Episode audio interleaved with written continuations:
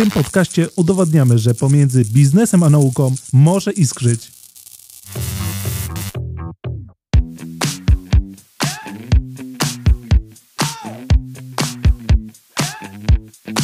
Ten podcast nagraliśmy przy okazji konferencji z Polonią, którą po raz trzeci organizowała sieć badawcza Łukasiewicz. Moim gościem był profesor Artur Dubrawski, który na jednej z najlepszych amerykańskich uczelni od wielu lat zajmuje się zagadnieniem sztucznej inteligencji. Profesor Dubrawski nie tylko wspiera nasze instytuty swoim doświadczeniem, ale przyjmuje również ich pracowników w swoim zespole w Stanach Zjednoczonych. Z naszym gościem rozmawiałem o sztucznej inteligencji, globalnej nauce oraz potencjale Polaków i sieci badawczej Łukasiewicz. Moim gościem jest profesor Artur Dubrawski z Carnegie Mellon University w Stanach Zjednoczonych, e, informatyk, szef Oton Lab, w ramach którego pracuje około 90 osób. E, to jest zespół, którym e, pan profesor zarządza i zajmuje się sztuczną inteligencją. Dzień dobry, panie profesorze. Dzień dobry. Rozmawiamy w kontekście konferencji z Polonią, która trwa nadal na dole. E, pan profesor był przed chwilą, brał udział w jednym z paneli. Dużo bardzo ciekawych wątków tam padło, ale zanim przejdziemy do kwestii umiędzynarodowienia, która dla Łukasiewicza jest bardzo ważna i samej konferencji, to jednak chciałbym skorzystać z tego, że jest pan wybitnym ekspertem y, od sztucznej inteligencji i właśnie o sztuczną inteligencję zapytać, bo ona je przeżywa w tej chwili no, swoje apoge apogeum y, popularności, jeśli mogę tak powiedzieć, a to wszystko za sprawą czatu GPT, którego już chyba czwartą odsłonę w tej chwili mamy. Natomiast nie o samym czacie chciałbym rozmawiać, bo to jest temat dość, mam wrażenie, mocno wyeksploatowany, ale raczej chciałbym zapytać pana o y, historię, bo sztuczna inteligencja ma za sobą znacznie dłuższą historię niż tylko chat GPT. To nie jest historia o ostatnich miesięcy czy nawet lat. E, pan się też długo tym zajmuje. Jakby pan nam krótko powiedział, e, no właśnie, o historii sztucznej inteligencji, jak daleko ta historia sięga? Ja to przedstawię wybiórczo oczywiście, e, tak jak ja to widzę i tak jak jest mi wygodnie, ale chciałbym zacząć od tego, że pan jest zbyt łaskawy. Czy ja jestem wybitny, czy nie, to mi nie nam rozsądzać. To ja to e, osądziłem. Ale, ale wracając, no tak, ChatGPT, e, jego popularność przeprowadziła sztuczną inteligencję na pierwsze strony wszystkich gazet. Właściwie chyba każdy się z nim zetknął, każdy się z tą technologią już zetknął. To nie jest tylko ChatGPT, jest wiele podobnych modeli już w tej chwili dostępnych i one są ulepszane, ale fundamentalnie to te, te, te modele opierają się zasadniczo o podstawy statystyczne. Podczas gdy y, korzenie sztucznej inteligencji sięgają bardzo głęboko, kilka dekad, pierwsze metody sztucznej inteligencji były ściśle matematyczne. Sztuczną inteligencję początkowo zamierzano wykorzystać do automatycznego dowodzenia twierdzeń matematycznych. Taka ściśle abstrakcyjna e, dziedzina, powiedziałbym, i, i zastosowanie. No i to się częściowo udało, ale apetyty były większe. Apetyty były większe, szczególnie jeśli chodzi o zastosowania tych nowoczesnych metod, e, które pozwalają komputerom zachowywać się w sposób podobny do tego, w jaki zachowują się ludzie. Jest, jest znany y, szeroko test Turinga, który właśnie bada, czy, czy program komputerowy, zachowanie programu komputerowego można odróżnić od zachowania człowieka. Jeżeli nie, to znaczy, że osiągnął pewną, pewną formę inteligencji. Więc, więc te metody spełniały w pewnym sensie ten test. Ale, ale no, ciężko było zrobić zastosowania. Ciężko było zmienić świat przy pomocy tych narzędzi. No i wtedy środowisko nasze sprytnie wymyśliło, że można sobie skrócić drogę do zastosowań przy użyciu metod statystycznych. No więc e, tak, rzeczywiście tak się stało. E, mieliśmy bardzo szeroką falę różnego zastosowań od medycyny, poprzez bezpieczeństwo nuklearne, poprzez komercję różnego typu.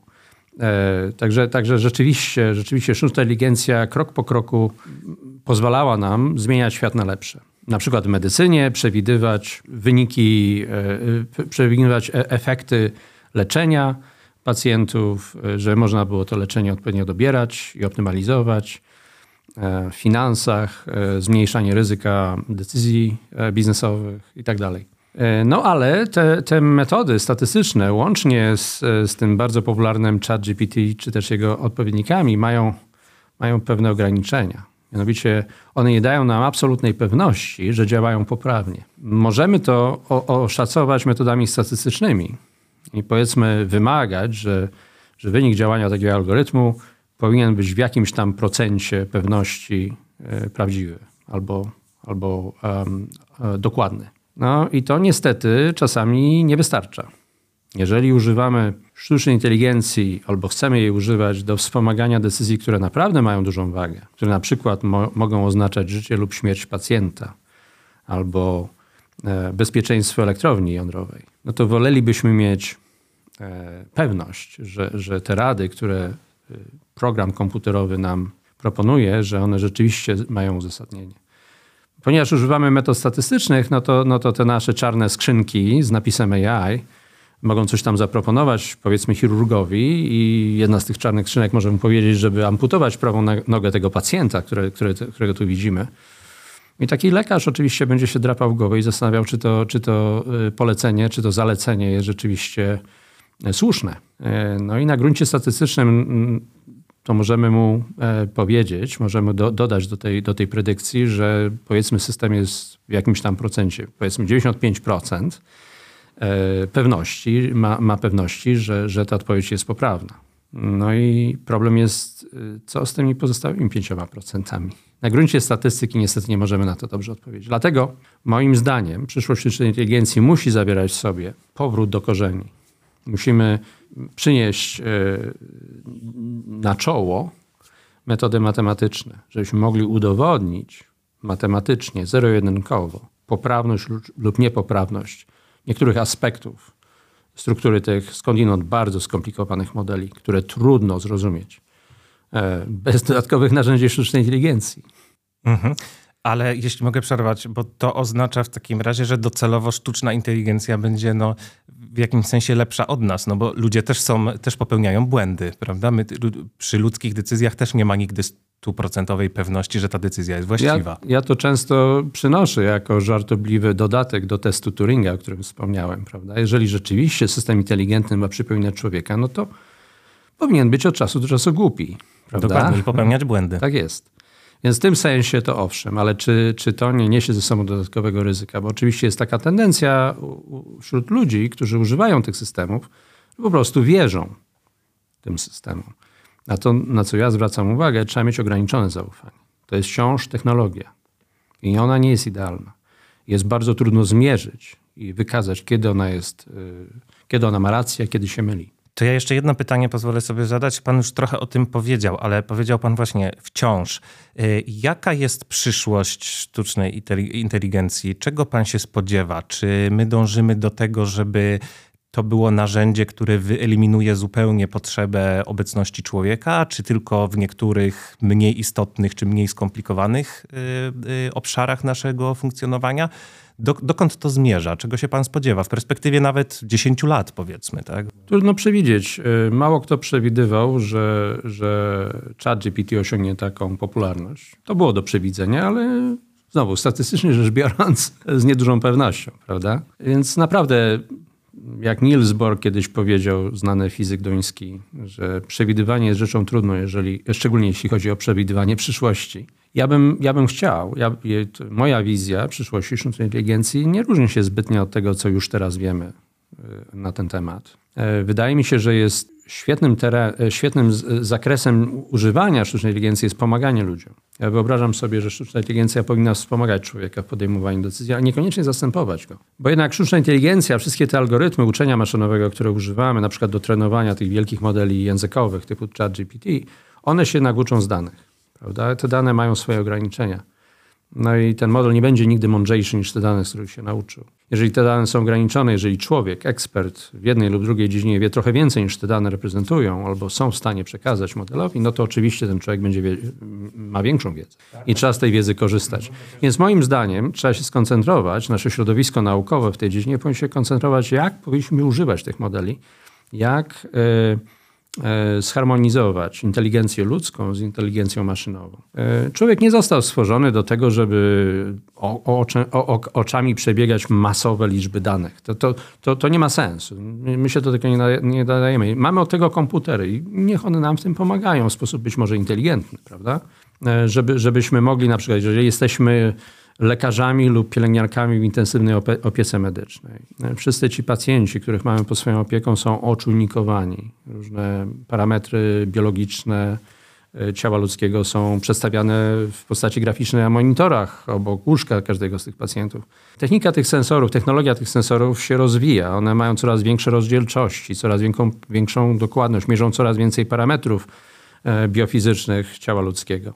Więc e, strumień tych danych jest przytłaczający dla tych lekarzy i pielęgniarek, ale oczekujemy od nich jako pacjenci, że oni będą wykorzystywali informacje gdzieś tam, y, która tkwi w, tych, w, w, tym masowym strumieniu danych, w taki sposób, żeby nam pomagać, prawda? Żeby to było dla nas, dla pacjentów korzystne. To zadanie w tej chwili przekracza możliwości człowieka. Bez użycia sztucznej inteligencji jako takiego filtra, który będzie wyłuskiwał wiadomości, które są potrzebne, y, informacje, które są rzeczywiście w danym kontekście niezbędne do podjęcia wartościowych decyzji, dobrych decyzji, no to, to, to trudno sobie wyobrazić wykorzystanie tych danych. Tak, dokładnie na to chciałem zwrócić uwagę, bo to robi niesamowite wrażenie, jak te algorytmy są w stanie w bardzo szybkim tempie przeanalizować yy, ogromną liczbę danych. I to jest rzeczywiście coś nieosiągalnego dla człowieka, tak jak pan profesor powiedział. Yy, jeszcze jedno pytanie yy, dotyczące sztucznej inteligencji, ale już na bardziej na gruncie polskim i na gruncie Łukasiewicza. Bo y, znaczy to, co widzimy, y, to widzimy jedno, że dominuje w tej materii dominują Stany Zjednoczone. No bo mamy OpenAI, mamy Google, mamy Microsoft, mamy Elona Muska. To wszystko są Amerykanie, amerykańskie wielkie podmioty, giganty, z którymi nie tylko sieć badawcza Łukasiewicz, ale cały taki kraj jak Polska, a nawet, no, można powiedzieć, Unia Europejska, żeby stanąć w szranki, no właściwie nie ma szans. Co by pan radził Polakom, polskim naukowcom albo sieci badawczej Łukasiewicz? Y, żeby mówiąc kolokwialnie, wsiąść do tego pociągu, znaczy, żeby się załapać na tę rewolucję, chyba u progu której jednak stoimy.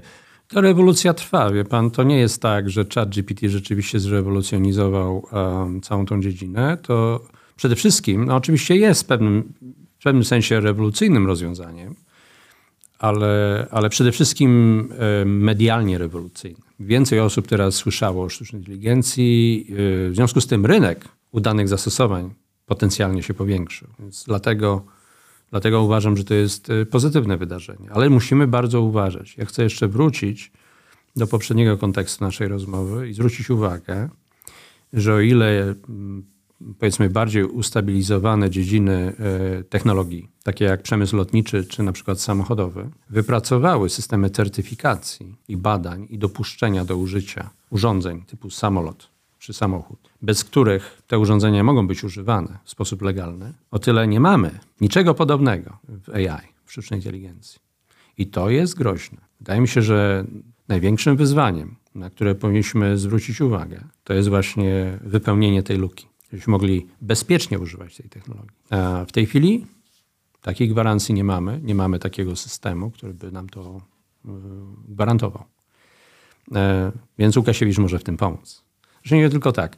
Wie pan, pan po, oczywiście poruszył ciekawy temat, bo tak się teraz składa, że zasoby finansowe tych największych przemysłowych grac, graczy w sztucznej inteligencji predestynują ich do tego, e, żeby budować bardzo skomplikowane modele, które wymagają niesamowitych mo mocy obliczeniowych, które są bardzo kosztowne przez to, żeby je zbudować. No, a środowiska akademickie nie mają takich zasobów jak ten przemysł. Więc my teraz mamy problem w środowisku akademickim e, w dziedzinie badań sztucznej inteligencji, żeby, żeby dogonić. Czyli rozumiem, że w Stanach Zjednoczonych też to jest. Mamy bardzo podobną wyzwanie. sytuację, którą pan, do, której, do, do tej, którą pan poruszył.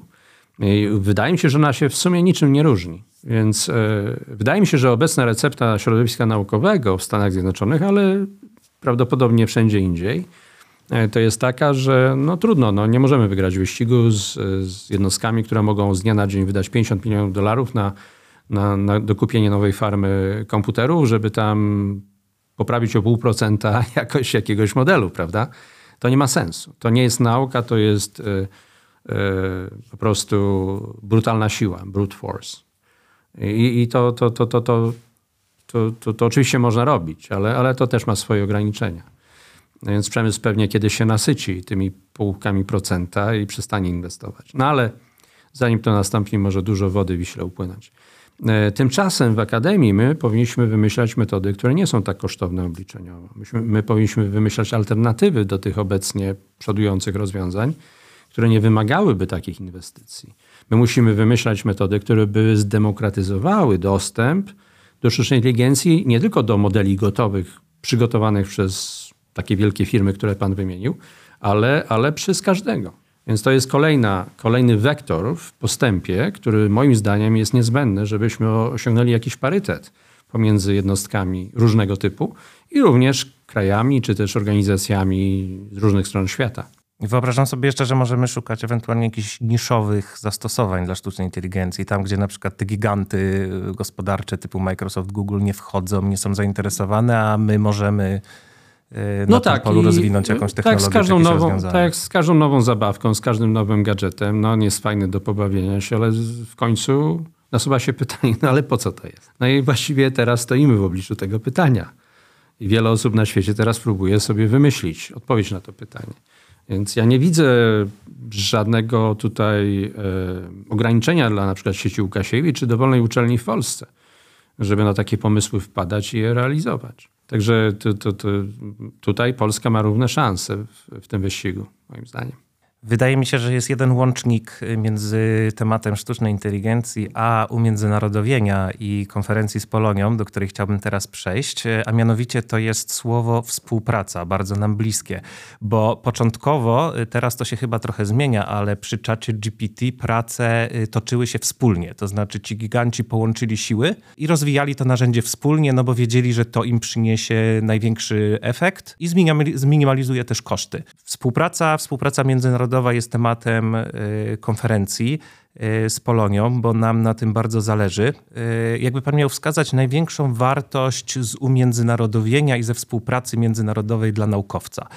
Może jedną, może trzy najważniejsze, może być z pańskiej osobistej perspektywy, no bo pan jest naukowcem globalnym, znaczy zajmuje się pan globalnym tematem w ogóle, który nie ma granic, y, no i też w Stanach Zjednoczonych. Z mojego punktu widzenia jestem bardzo takim wygodnym miejscu, no bo, bo moja uczelnia ma reputację która sprawia, że jest magnesem dla ludzi najbardziej utalentowanych, którzy chcą się rozwijać w tej dziedzinie. Więc, więc ja mam po prostu, to jest łatwizna, tak? No po prostu przychodzą ludzie, którzy chcą to robić, mają bardzo silną motywację, chcą się sprawdzić. Ja, ja to czasem nazywam syndromem tłustego kota. Są społeczeństwa wśród, wśród, wśród nas, również w są to kraje Unii Europejskiej, gdzie wydaje mi się, że jest y, procent ludzi, którym się jeszcze chce coś zrobić, jest coraz mniejszy. Dobrobyt trochę ogranicza y, ambicje. Moja obserwacja na temat polskiego środowiska, szczególnie wśród młodzieży akademickiej, jest, y, jest inna. To nie są jeszcze tłuste koty. To są młodzi ludzie, którym,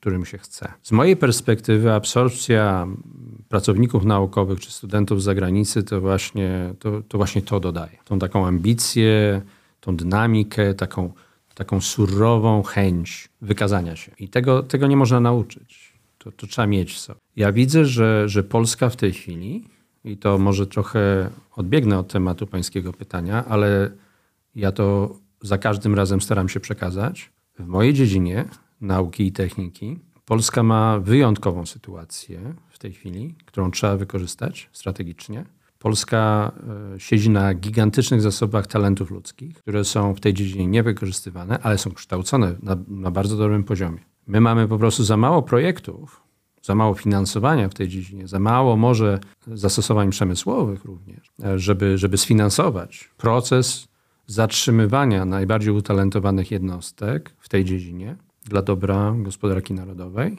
porównując ten potencjał ludzki, intelektualny który, który mamy, a który się rozprasza, który się marnuje poprzez e, bycie zatrudnianym za powiedzmy 3-4-krotną e, wartość pensji startowej w jakichś bankach gdzieś w Europie Zachodniej, gdzie te osoby, które umieją e, budować algorytmy uczenia maszynowego, budują zamiast tego bazy danych w tych bankach.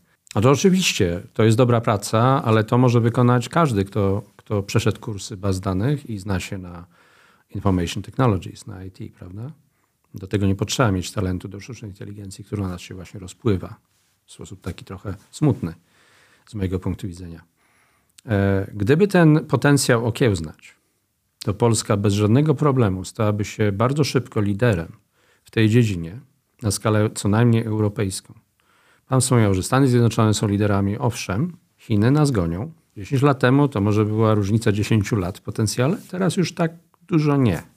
To jest trochę, trochę mniej, może 5 lat, może nawet mniej. Trochę, trochę w tym się też e, zasłużył mój uniwersytet, który ma bardzo dużo studentów z Chin, prawda? Doktorantów, bardzo mądrych ludzi, którzy wracają do swojej ojczyzny i tam kontynuują swoje prace. Więc ja bym chciał, e, żeby Polska się rozwinęła na taką skalę, która pozwoliłaby jej być lokomotywą sztucznej inteligencji na skalę europejską i jest do tego potencjał. Trzeba to po prostu przeprowadzić.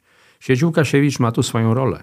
To nie tylko uczelnie, ale wy też. Wy jesteście bardzo dynamicznym graczem na rynku technologii i rozwoju technologii w Polsce. Wy macie skalę europejską. Jesteście trzecią największą siecią tego typu w Europie. E, to jest, to jest bardzo chwalebne, ale to też rodzi zobowiązania. Więc ja bym chciał, żebyście wykorzystali ten swój potencjał między innymi w tym celu.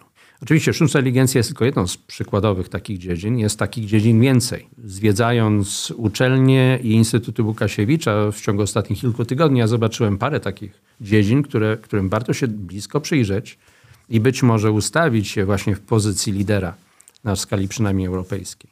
Ja bym chciał, że, żeby za parę lat w mojej i być może jeszcze paru innych dziedzinach, żeby młodzi ludzie z Europy Zachodniej, z tych właśnie głównych uczelni tam, żeby oni po prostu pragnęli przyjechać tutaj do nas na staż, do Polski, a nie odwrotnie. I wtedy będziecie mieli Państwo to umiędzynarodowienie bardzo tanim kosztem. Takim kosztem zerowym, jaki ja mam u siebie w Carnegie Mellon.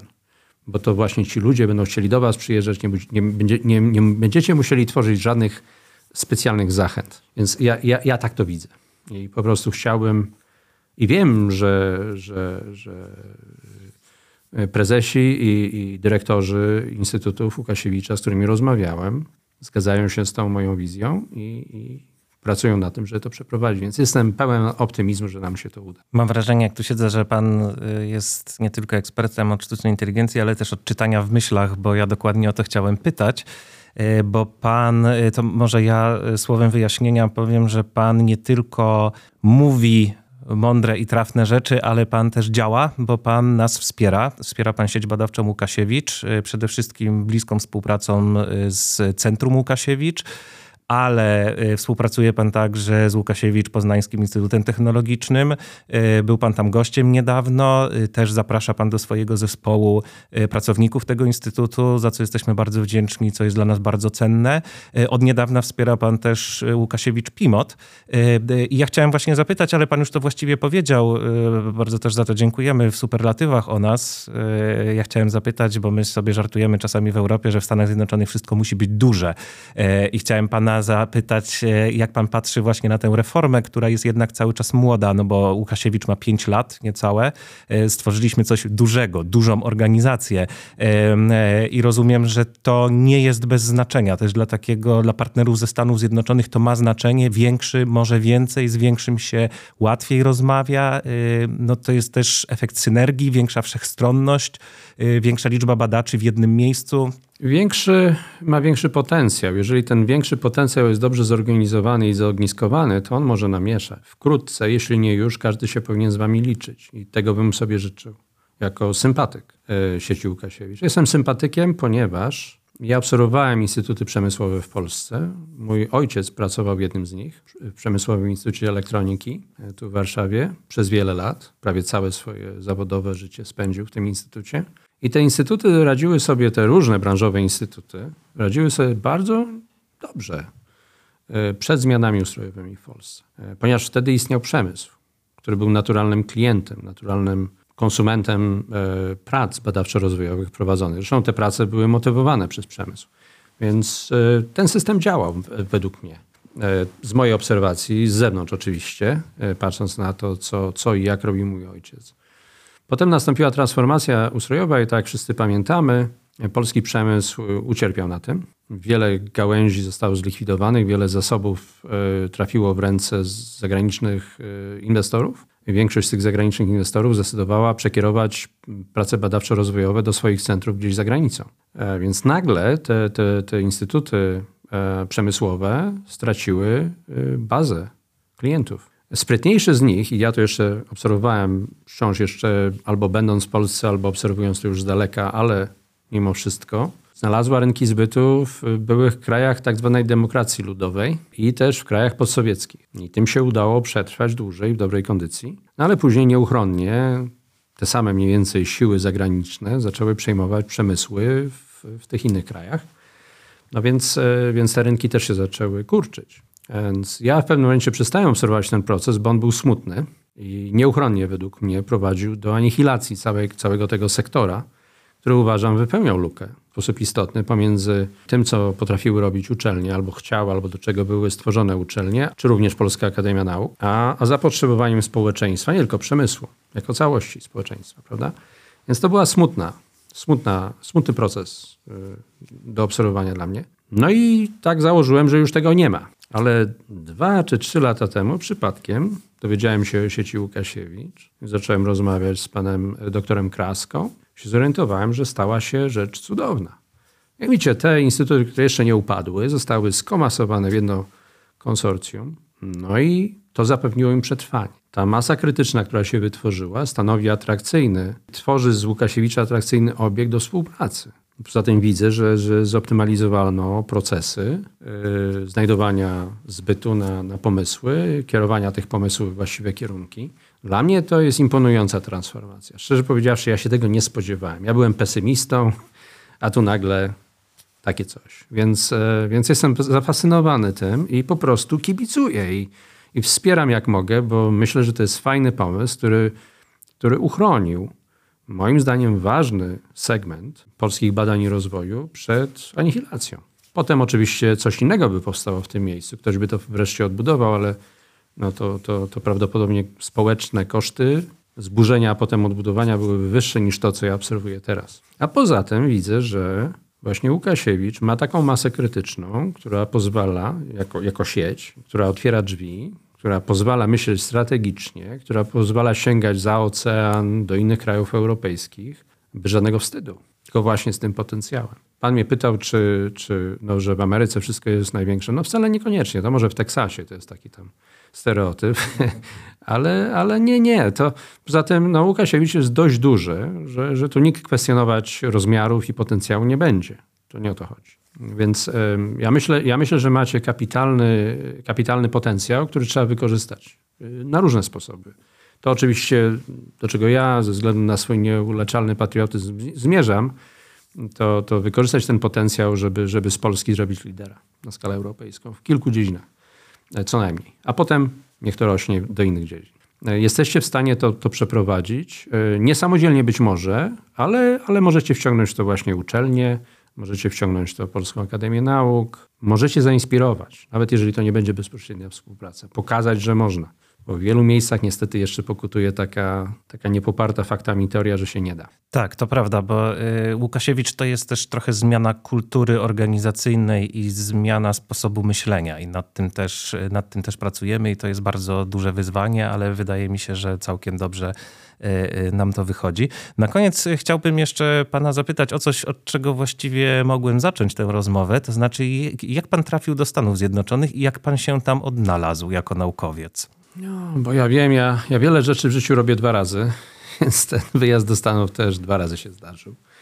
Pierwszym razem trafiłem tam, no nie powiedział, że przypadkiem, ale, ale tak, tak się stało, że bez, bez e, angażowania się z mojej strony uzyskałem stypendium Fulbrighta na odbycie stażu w tym zespole, akurat którym teraz jestem dyrektorem. No to, że jestem dyrektorem, to tak ładnie brzmi na papierze, ale tak naprawdę to po prostu znaczy, że mam więcej roboty niż inni koledzy, którzy tam pracują.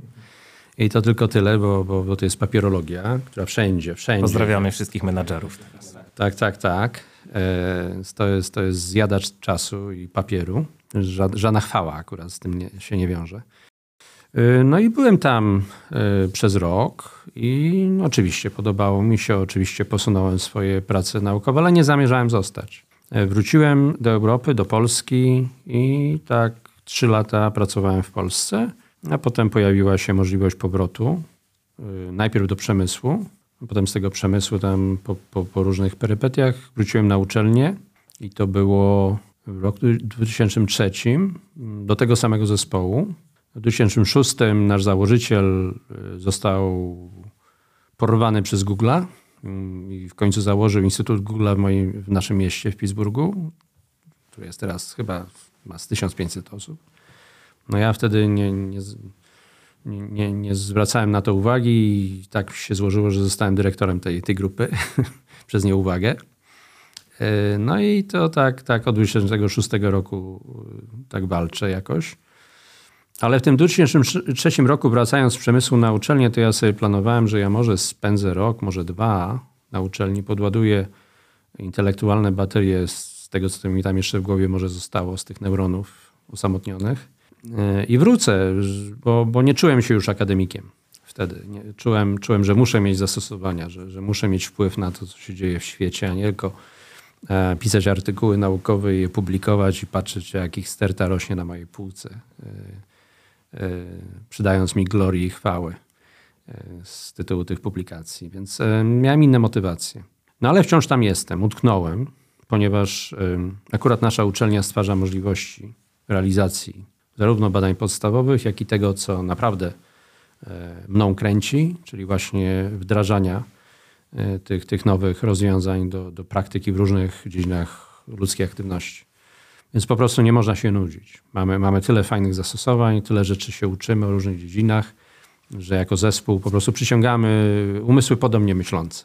Więc jest, jest bardzo fajny zespół, no, no, no, bawię się świetnie. Więc trudno, e, trudno, trudno sobie mm, wyobrazić zmianę, chociaż mm, bardzo łatwo byłoby pomnożyć tą moją pensję, którą otrzymuję jako profesor e, przez e, liczbę dużo większą niż jeden, gdybym się zgodził przyjąć jedną z ofert z przemysłu, które co chwila się pojawiają. Niestety mamy drenaż mózgu w akademii. Przemysł wysysa, szczególnie teraz właśnie jak popularność sztucznej inteligencji wzrosła, każdy chce mieć eksperta, prawda, w tej dziedzinie, więc a tych ekspertów jest niewiele, niewielu I, i, i każdy jest wysysany bardzo silnie. Ale my, my, my się cieszymy tym, że mamy taką misję społeczną, którą możemy realizować, której być może przemysł nie chciałby realizować, bo, bo to jest zbyt ryzykowne albo nie, nie, nie tworzy zysku wystarczającego, więc, więc my bierzemy takie projekty, których przemysł nie chce, albo nie czuje się na siłach, albo, albo nie ma zainteresowania. Więc, więc to nam daje dużą satysfakcję. I dlatego, dlatego jestem tam, gdzie jestem ale nie, nie zatrzymujemy swoich metod działania, swojego sekretnego sosu dla siebie. Moja wizyta w Poznańskim Instytucie Technologicznym w listopadzie przez trzy tygodnie polegała między innymi na tym, że się dzieliłem swoimi e, pomysłami na organizację pracy naukowej w takiej właśnie grupie, którą oni tam próbują tworzyć i jak współdziałać z innymi grupami specjalizującymi się w innych dziedzinach. E, to, to taka powiedzmy e, analiza była przeprowadzona na skali jednego z no, bardzo dobrych, dynamicznych instytutów, ale moim zdaniem się natychmiast skaluje e, na całą sieć. Więc starałem się przekazać te swoje sposoby myślenia, które, które pozwalają nam no nie tylko być skutecznym, ale cieszyć się tym, co robimy, bo jeżeli praca nie sprawia radości, to właściwie to jest mordęga, więc wolałbym żeby, żeby ci młodzi polscy naukowcy i badacze, których tu macie w Łukasiewiczu, ale na uczelniach i gdzie indziej, żeby się cieszyli tą pracą, którą, którą wykonują i żeby, żeby to ich dowartościowywało. Tym, co pan powiedział o potencjalnie wyższej pensji, wydaje mi się, potwierdził pan trochę to, co mówił profesor Eckert podczas swojego wystąpienia w ramach naszej konferencji. Mianowicie on wskazywał na trzy rzeczy kluczowe z jego perspektywy i to byli ludzie, idee i pieniądze i to nie była przypadkowa kolejność. Znaczy on uważa, że rzeczywiście ludzie i idee są ważniejsze od pieniędzy i wydaje się, że pan profesor to potwierdza. I to pasuje do mojej tutaj agendy, którą, którą nieustannie propaguję. W Polsce mamy ludzi, naprawdę fajnych ludzi. Jest idea, żeby ich do tego, do czegoś dużego wykorzystać. Pieniądze się znajdą. Pieniądze to jest najmniejszy problem. Pieniądze trzeba wychodzić, wyszukać. Pieniądze trzeba wyprodukować, że tak powiem. Dobrymi pomysłami, dobrymi projektami. Ja tak się obawiałem, że nam będzie bardzo ciężko y, skończyć tę rozmowę, bo mi się pojawia co chwilę, y, pojawiają mi się kolejne pytania i teraz już obiecuję, że to będzie ostatnie. Y, w Polsce, ale myślę, że nie tylko w Polsce, często mówimy o tym, że współpraca nauki z biznesem jest trudna, biznes nie potrafi rozmawiać z nauką, nauka nie chce rozmawiać z biznesem. Pan ma doświadczenia z obu światów i ma pan te doświadczenia ze Stanów Zjednoczonych. Czy w Stanach Zjednoczonych to jest tak super i tak łatwo i tak idzie jak po maśle, że ta ścieżka od nauki do przemysłu, do biznesu jest prosta. Czy też Amerykanie na to narzekają? Ja myślę, że kultura nauki i biznesu niewiele się różni pomiędzy różnymi krajami, powiedzmy, e, za wyjątkiem może dyktatur, gdzie tam jest zupełnie inaczej. Ale w takich krajach, e, gdzie zasadniczo opieramy się na wolności jednostki, to jest bardzo podobnie. No są tacy koledzy, nawet na mojej uczelni niedaleko, którzy po prostu nie chcą, się, nie chcą sobie brudzić rąk pracą nad projektami, które mają zastosowanie praktyczne, bo im się wydaje, że to jest za dużo roboty, że to ich od, odciągnie od ich głównego celu, którym jest y, wybudowanie jakiegoś y, mechanizmu naukowego na poziomie teoretycznym. Takie prace są bardzo potrzebne, bo, bo nie możemy tylko budować rzeczy inż, po inżyniersku, prawda? To, to, to, to musi mieć musimy znaleźć w jakiś sposób e, sprytny albo naturalny właściwy miks. Także ja nie chcę podstawowych nie ja, ma ja nie, chcę, ja nie chcę deprecjonować żadnego z tych moich kolegów, ale nie każdy po prostu chce to robić. I nie każdy chce rozumieć warunki przemysłowe i jak ci potencjalni partnerzy z przemysłu myślą. Ja akurat się tego nie boję i mnie to akurat bawi i e, cieszy mnie nawiązywanie współpracy z osobami z gałęzi przemysłu, czy też z innych dziedzin nauki, o których mało wiem na początku. Tu muszę powiedzieć, że wykształcenie, które otrzymałem w Polsce, daje mi pewien, pe, pewien dodatkowy zasób, moi, którego moi amerykańscy koledzy nie mają, bo oni w większości przypadków byli kształceni bardzo pionowo, bardzo specjalistycznie. Przechodzili tą ścieżkę kariery, wiedząc niewiele, porównaniu do mnie, na temat tych takich pobocznych e, dziedzin albo nawet niezwiązanych. Ja kończyłem studia na Wydziale Lotniczym Politechniki Warszawskiej. Tam musieliśmy się nauczyć wszystkiego o wszystkim, więc to, to pozwala mi dość szybko nawiązać kontakt z osobami z takich dziwnych dziedzin, o których wcześniej nie myślałem.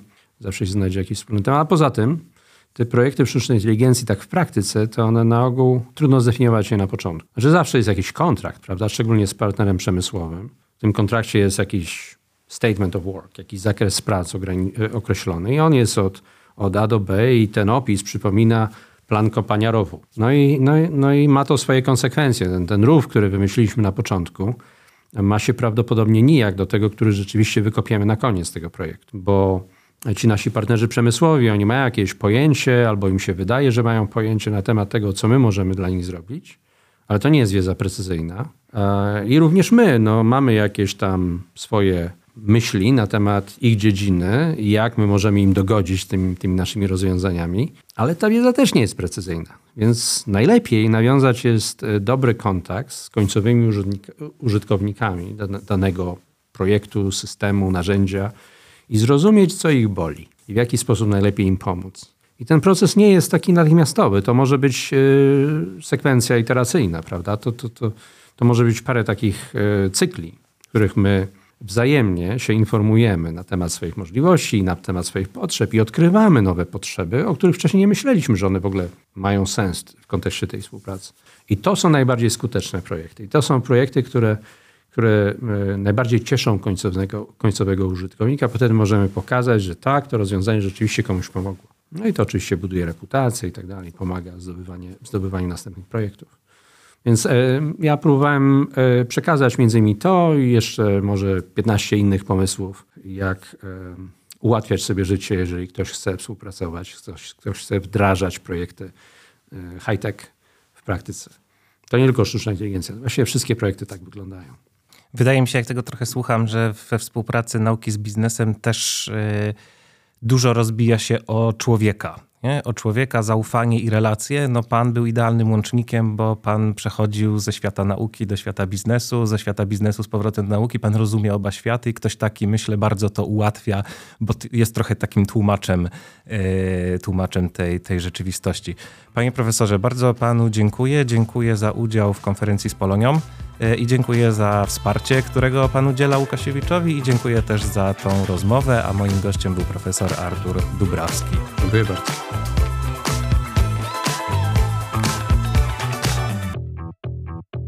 To był podcast sieci badawczej Łukasiewicz Iskry lecą. Zachęcamy do posłuchania pozostałych odcinków, które znajdziecie we wszystkich popularnych serwisach podcastowych.